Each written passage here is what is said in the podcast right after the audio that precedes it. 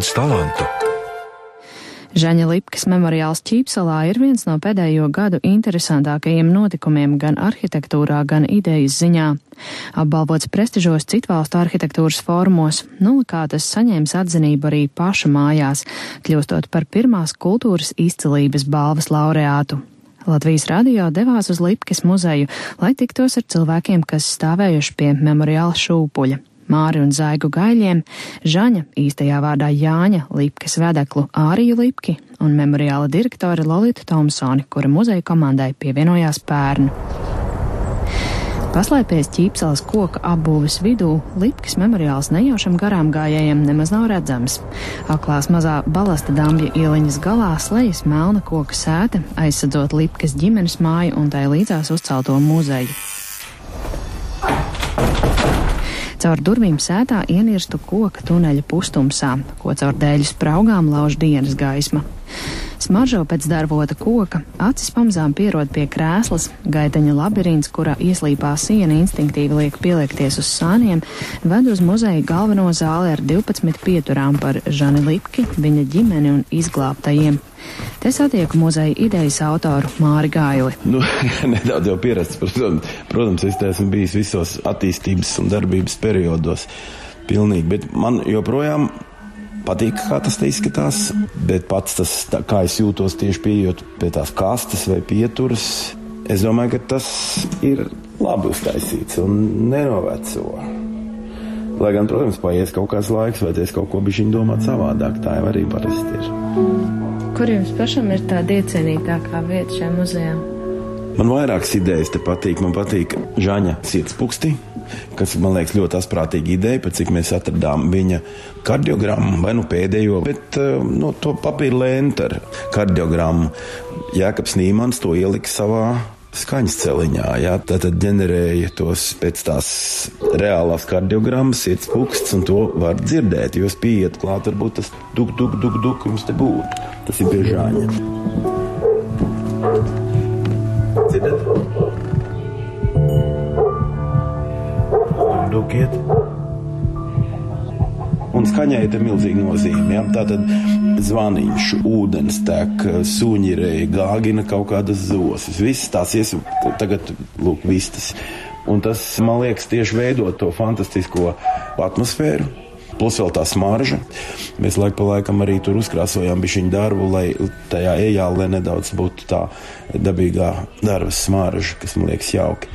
Dažādas lietas, un tas kopā, tas gaisma, pustums, Es domāju, ka strādā arī tas, ka nav pietiekami gaiši, ka tev tomēr jānobremzē, tas tā nevar izskriet cauri. Tas režīms ir tā pieskaņots.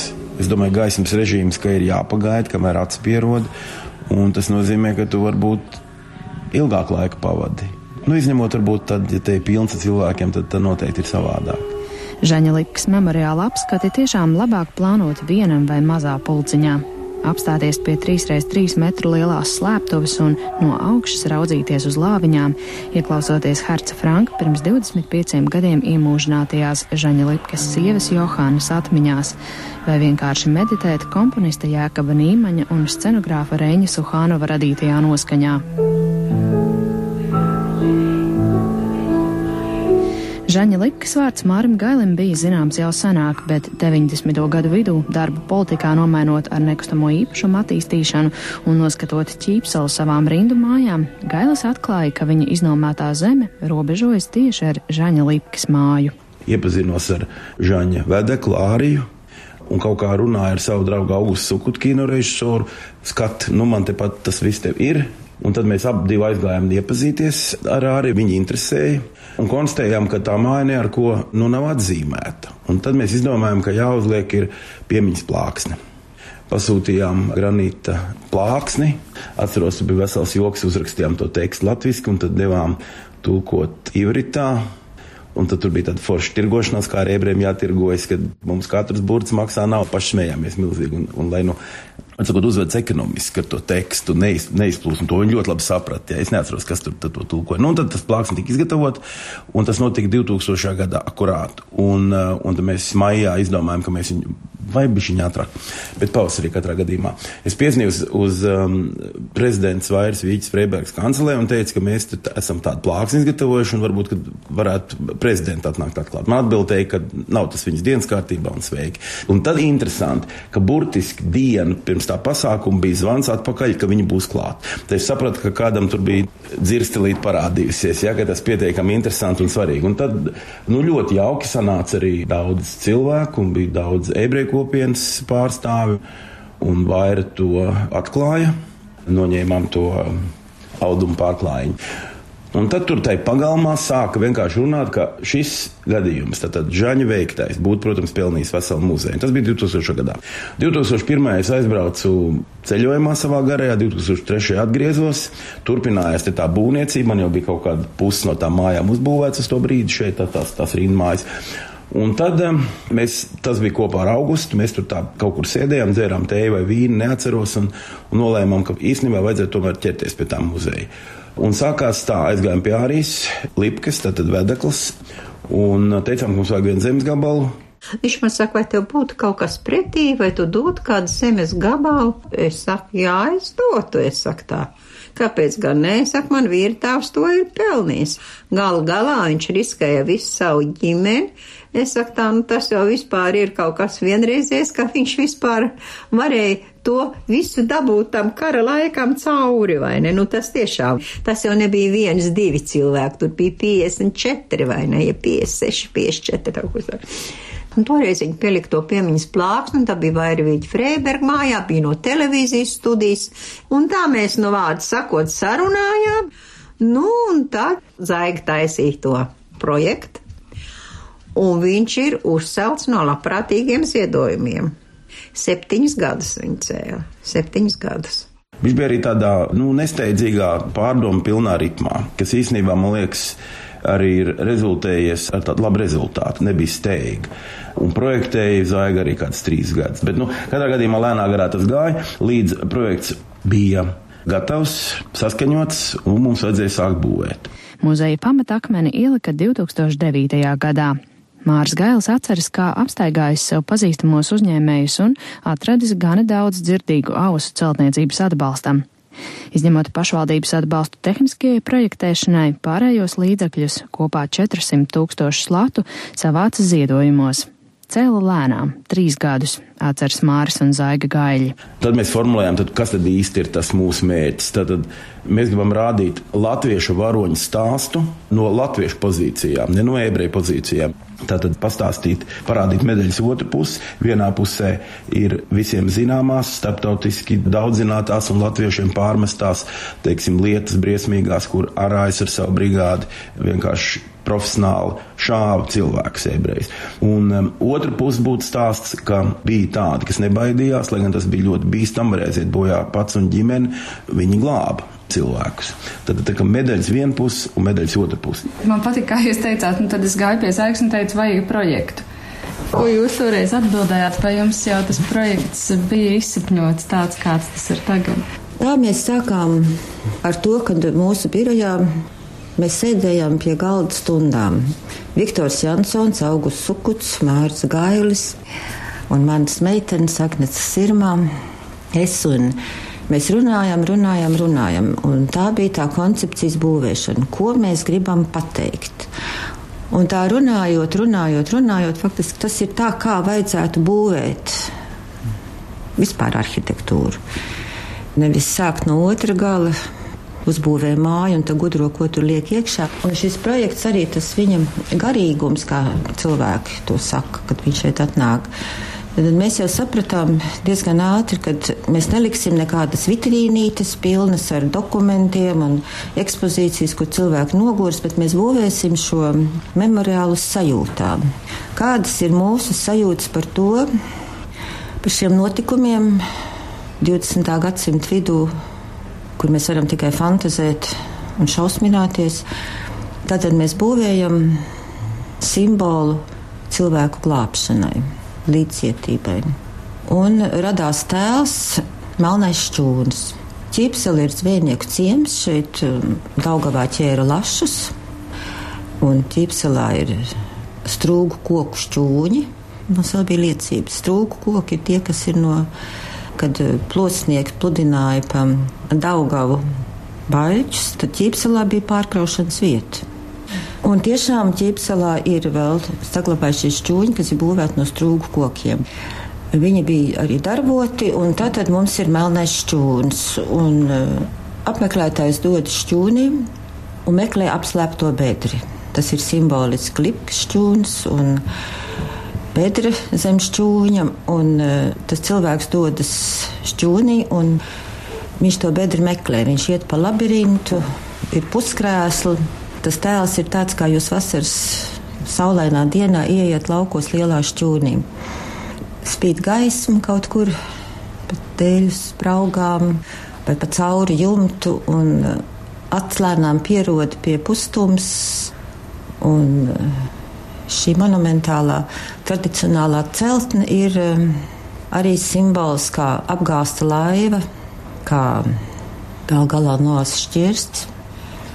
Un uh, ļoti daudz nozīmes vēlāk tam parādījās. Zaiga un Māris Gaļi sev kaimiņos esošajā Lipkas memoriālā ieguldījuši visu sirdi. Zaiga atzīst, ka tas daudz licis domāt arī par savām vērtībām un pasauli, kurā dzīvojam šodien.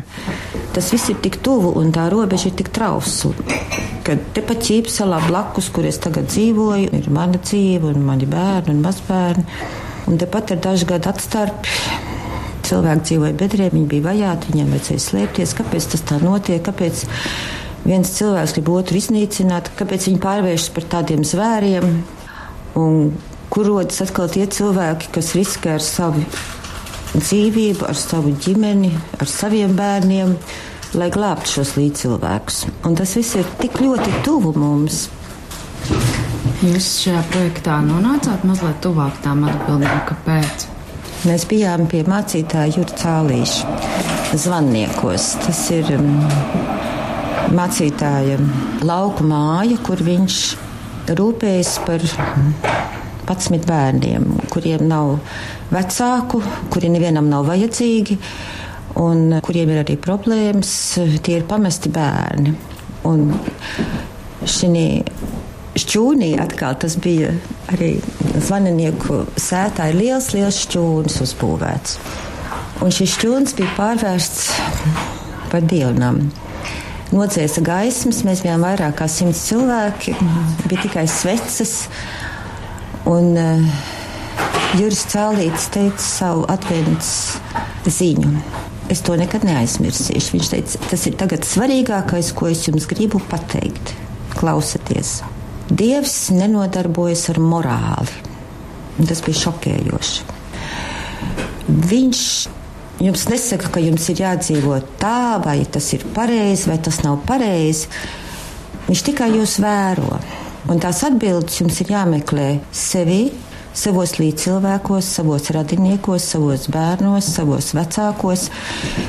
Un tad es arī iedomājos šo latviešu teicienu ar dievu palīgu. Un es vienmēr arī tā, ka man ir kāds darbiņš, es saku ar dievu palīgu. Tad, tad es arī viņu saredzu kā palīgu, kā manu lielo palīgu kas man nesaka, tu tagad dari tā un tā tu nedari. Nu, var jau nodarboties ar cilvēku iebiedēšanu, baidīšanu, ar viņu komandēšanu, bet tad tu esi arī tikai tāds skrūvīšs cilvēks. Ja? Tad, tad tava dzīve ir tavās rokās. Un mācītājs mm, ar to dievu dzīvo, viņš ir tepat blakus. Ja? bet tas netiek kaut kādā veidā kanonizēts. Tas ir eh, tāds dabisks dzīvesveids, redzot tās nabaga bērnu apskaidrotās sejas. Tu saproti, ka nu, līdzcietība un cilvēcība var būt turpat blakus. Mēs varētu, teiksim, aizbraukt no zvaniniekiem sērās, kad aktu nabaga bērni, un, bet mēs aizbraucam ārkārtīgi priecīgi un apskaidroti manī iestājās tāds miers pēc tā, kā mācītājs mūs visus svētīja, un, un tās ir tās atbildes. Ar Dieva vārdu cilvēki ir slepkavojuši, un viņi ir viens otru iznīcinājuši, un ir milzīgi kari. Kaut kādas pieņemtas taisnības, pareizības vārdā Staļins, Ļeņins, Hitlers ir slepkavojuši tūkstošus un miljonus. kādas absolūtās patiesības vārdā. Un to pašu var pagriezt otrā, kā tāda Čāna Slipke ir glābs. Pagājušā gada Ziemassvētkos mēs aizbraucam uz Izrēlu. Tas bija plānots brauciens, jo mums tagad ir tik daudz draugu, tik daudz ebreju ir apmeklējuši. Mums ir vienmēr teikuši, brauciet, atbrauciet pie mums. Un Jeruzalemē ir muzejs Jadvašam. Tas ir tāds kauns. E, Jeruzalemes nomalē, kas viss ir pārvērsts par tādu piemiņas kalnu, kā liels memoriāls. Tur ir mācību centri, tur ir ekspozīcijas, tur ir bērnu piemiņas vieta, un tur ir koku aleja. Un Žanis Lipke tur aizbrauca un iestādīja koku. Simtiem pasaules cilvēku, kas ir glābuši ebreju no visdažādākajām valstīm, viņi ir tur braukuši taisnprātīgo alejā stādīt kokus. Un tagad mēs devāmies starp Ziemassvētkiem un Jauno gadu meklēt žaņa koku. Mēs staigājām, bija bijusi vētra iepriekšējā dienā ir ļoti, ļoti daudz koki, cik tie pārauguši, un, un tur gandrīz jau tāds tā kā tāds birze, biezoknis, un pie katra koka ir plāksnīt, un tur ir cilvēku vārds, uzvārds un valsts, no kuras viņš ir, mēs meklējam, meklējam to žaņu koku, un mēs bijām četri, nu, nevaram atrast, un beigās gandrīz atmetam ar roku, un tad atgriežamies pie galvenās ekspozīcijas celtnes, un tur pašā priekšā pats pirmais ir žaņa koks. Viņš ir pārstādīts, un viņš ir patiešām pirmais koks alejā. Tas bija tik saviņojošs brīdis. Un, jā, man vienmēr visi jautā, un kāds tās sajūtas. Es saprotu, ka tā kārtiņa, aizsardzības kārtiņa mūsu instinktiem ir tik ārkārtīgi plāna. Un iedot tik šautenu un ies un šaus atkal. Un, un tepat tas var notikties. Un to jau parāda gan dabas katastrofas, kā cilvēks nogāžās lidmašīnu, uzreiz jau atrodas šitie prusaki, kas iet un mauc no skrecenus un, un apzog. Un tas ir ļoti, ļoti tuvu. Kā jums šķiet, vai nākamajām paudzēm arī būs šādi memoriāli vēl jābūvē? Noteikti. Tas ir līdz pasaules. Nu, paskatieties pasaules vēsturi, nu, cik mēs tur skaitām tos tūkstošus gadus. Nu, vieni kari, ir iekšā cilvēkam tas nervs un bez idealizēšanas. Viss ir blakus.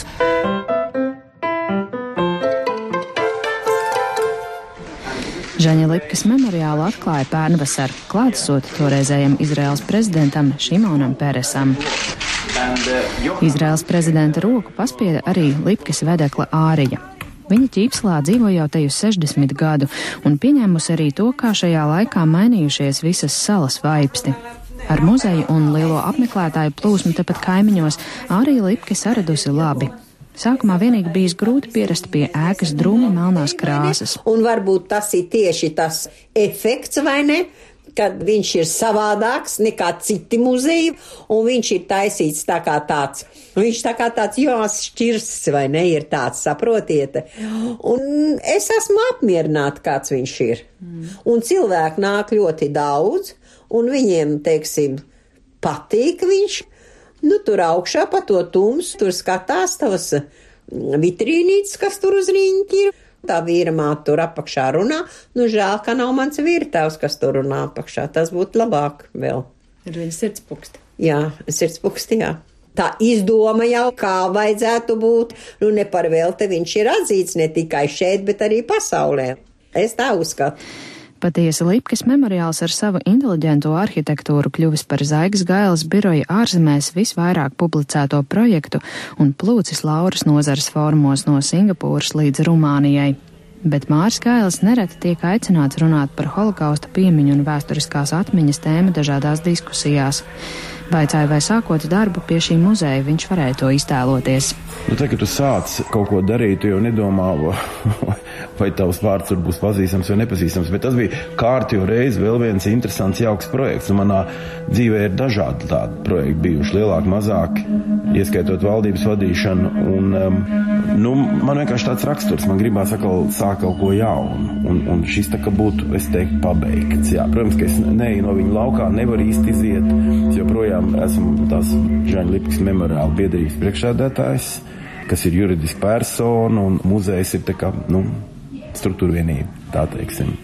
Bet man tagad ir ļoti laba komanda. Es esmu ārkārtīgi apmierināts. Man uzreiz nemaz tā neveicās ar muzeja direktoru meklējumiem. Jā, man liekas, ka Lolita ir piektā vai ceturtā. Par muzeju ir interesanti, jo es biju tikko pēc 14 gadiem dzīvošanas ārzemēs pārcēlusies uz Latviju. Un viena no pirmajām vietām, ko es biju apskatīties un apciemot, bija tieši Līpkas memoriāls. Jo bija ļoti labs raksts ar teritoriju, ko bija uzrakstījis Sergejs Timofejus. Ko es vēl Izrēlā sūtīju draugiem, lai viņi skatās, ka nu, fantastiski kaut kas Latvijā notiek ķīpselā. Lipkas memoriāla direktore Lolita Thompsone spilgti atceras savu pirmo vizīti muzejā vēl kā ekskursantei. Šī vieta ļoti aizkustinājusi. Drīz pēc tam Lipkas memoriāls meklēja darbiniekus. Lolita sāka strādāt nākamajā dienā pēc intervijas ar Māri Gaili. Pēc nedēļas jau vadīja ekskursijas dažādās valodās, tostarp ivritā, kas apgūts 14 Izrēlā pavadītajos gados.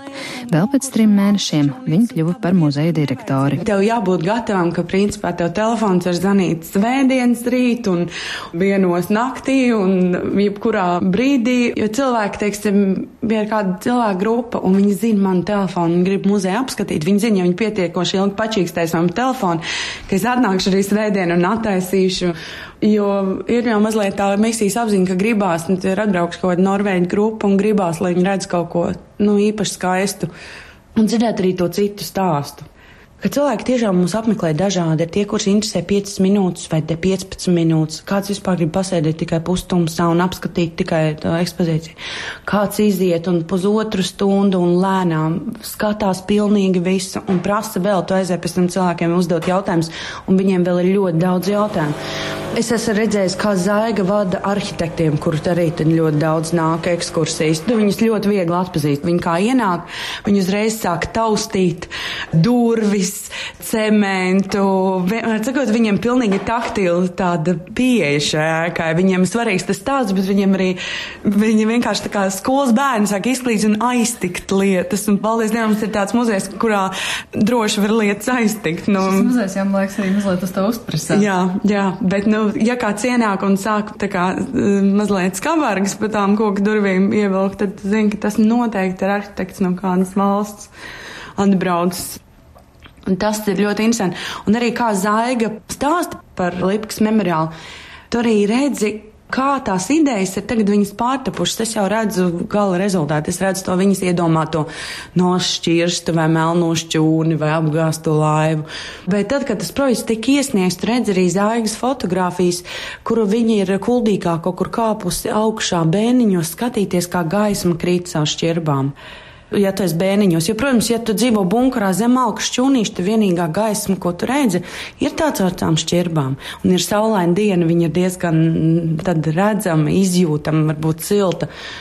Un tas pats ir arī ar to tādu tā kā ka viņi saka, ka to aka, kur nu, mums tagad uh, Johāna Lipka stāsta, to cilvēku glābšanas stāstu, cik tā aka ir jāatrod. Un es atceros to apjukumu, pēc tam jau acis pierod, ka tu iet tādā pustumsā. Un um, tev ir acis pierod, lai tu vari sākt staigāt par to muzeju. Un arī tas, ka tu uh, ieeja ir viena un tu izējas savādāk. Īpaši, ja cilvēki nāk, es domāju, vasarā to izjūt, ka no tās tumsas vai pustums tu ienāc gaismā. Tas arī ir um, tāds pārsteigums brīdis. Un arī mazliet atvieglojums. Tu saproti, cilvēki šeit izdzīvoja.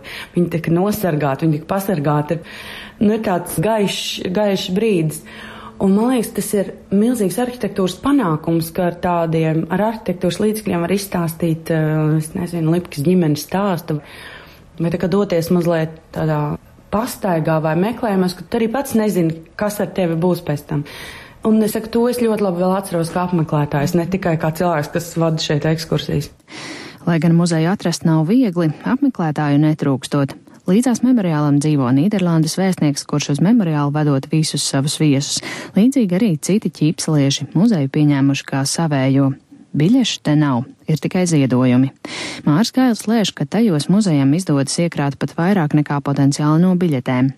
Ziedojumi palīdz finansēt muzeja projektus. Daļu naudas Lipkas memoriāls kā akreditēts muzejs saņem arī no valsts, bet šogad ar nodibinājumu Rīga 2014 atbalstu daudziem rīdziniekiem nezināmus faktus par savu pilsētu atklāja Lipkas memoriāla projekts Pagrīdes Rīga, vedot pa vietām, kur Rīgas centrā arī tika slēpti ebreji. Par tām kā atgādinājums vēsta arī asfaltā iemūrētas kapara plāksnītes brīvības, lāčplēša, Marijas un citās ielās.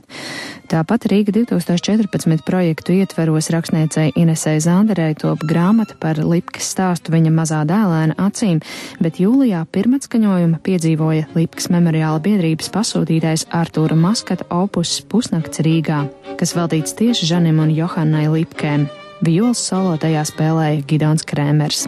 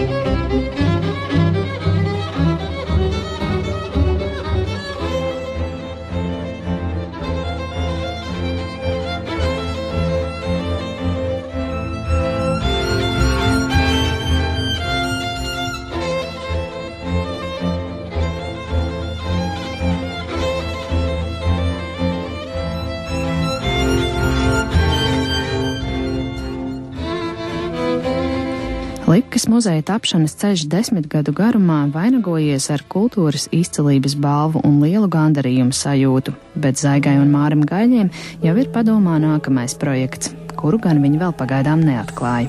Jā, nu es nejūtos vēl tā, ka man būtu jāliekas mierā. Jā. Man, protams, visādas lietas patīk. Man patīk lasīt, man patīk ceļot, un man patīk runāties ar cilvēkiem, bet nu, tāda projekta arī dod to iespēju bieži vien.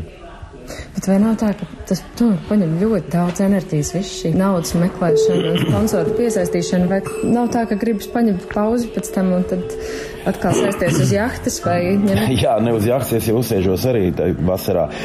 Nē, nu es vienkārši vienmēr daru tā, kā man patīk, un tad, tad tas nozīmē, ka tā jādara. Nekāda piespiešanās nav. Kā man patīk, tā es daru. Man jau priekšnieki nav 20 gadus. Tā kā par to esmu arī ārkārtīgi apmierināts un priecīgs. Tad, tad pats sev saimnieks, pats sev kungs. Pašam jānopelna savu naudu un varu darīt, ko es gribu. Lieliski. Un tagad uh, biznesa projekti nav vairs man prioritāte faktiski man ir dividends, un nu, man, man lielā mērā es varu nodarboties ar sabiedrisko darbu vairāk. Lai gan, protams, ka es jau pieskatu to savus biznesus un katru dienu braucu uz darbu, un, nu, var sakot, es lietas kursā un kaut kā strateģiski, loģiski lēmu, ja, bet nevajag tajā izpildu līmenī, kas ir nāvīgi jauki. Šai lietai jūs varat teikt, ka šis ir tāds jūsu sirdsdarbs? Jā, tā absolūti sirdsdarbs. Un mana meita Agnese teica, ka debesīs šito atzīmēs kā pašu labāko manu darbu. Tā viņa teica, ir Šlipas muzeja. Ar Žaņa Lipkas memoriāla veidotājiem un saimniekiem sarunājās Māra Rozenberga, skaņu ieraksts montēja Valdis Raitums un Renārs Šteimanis.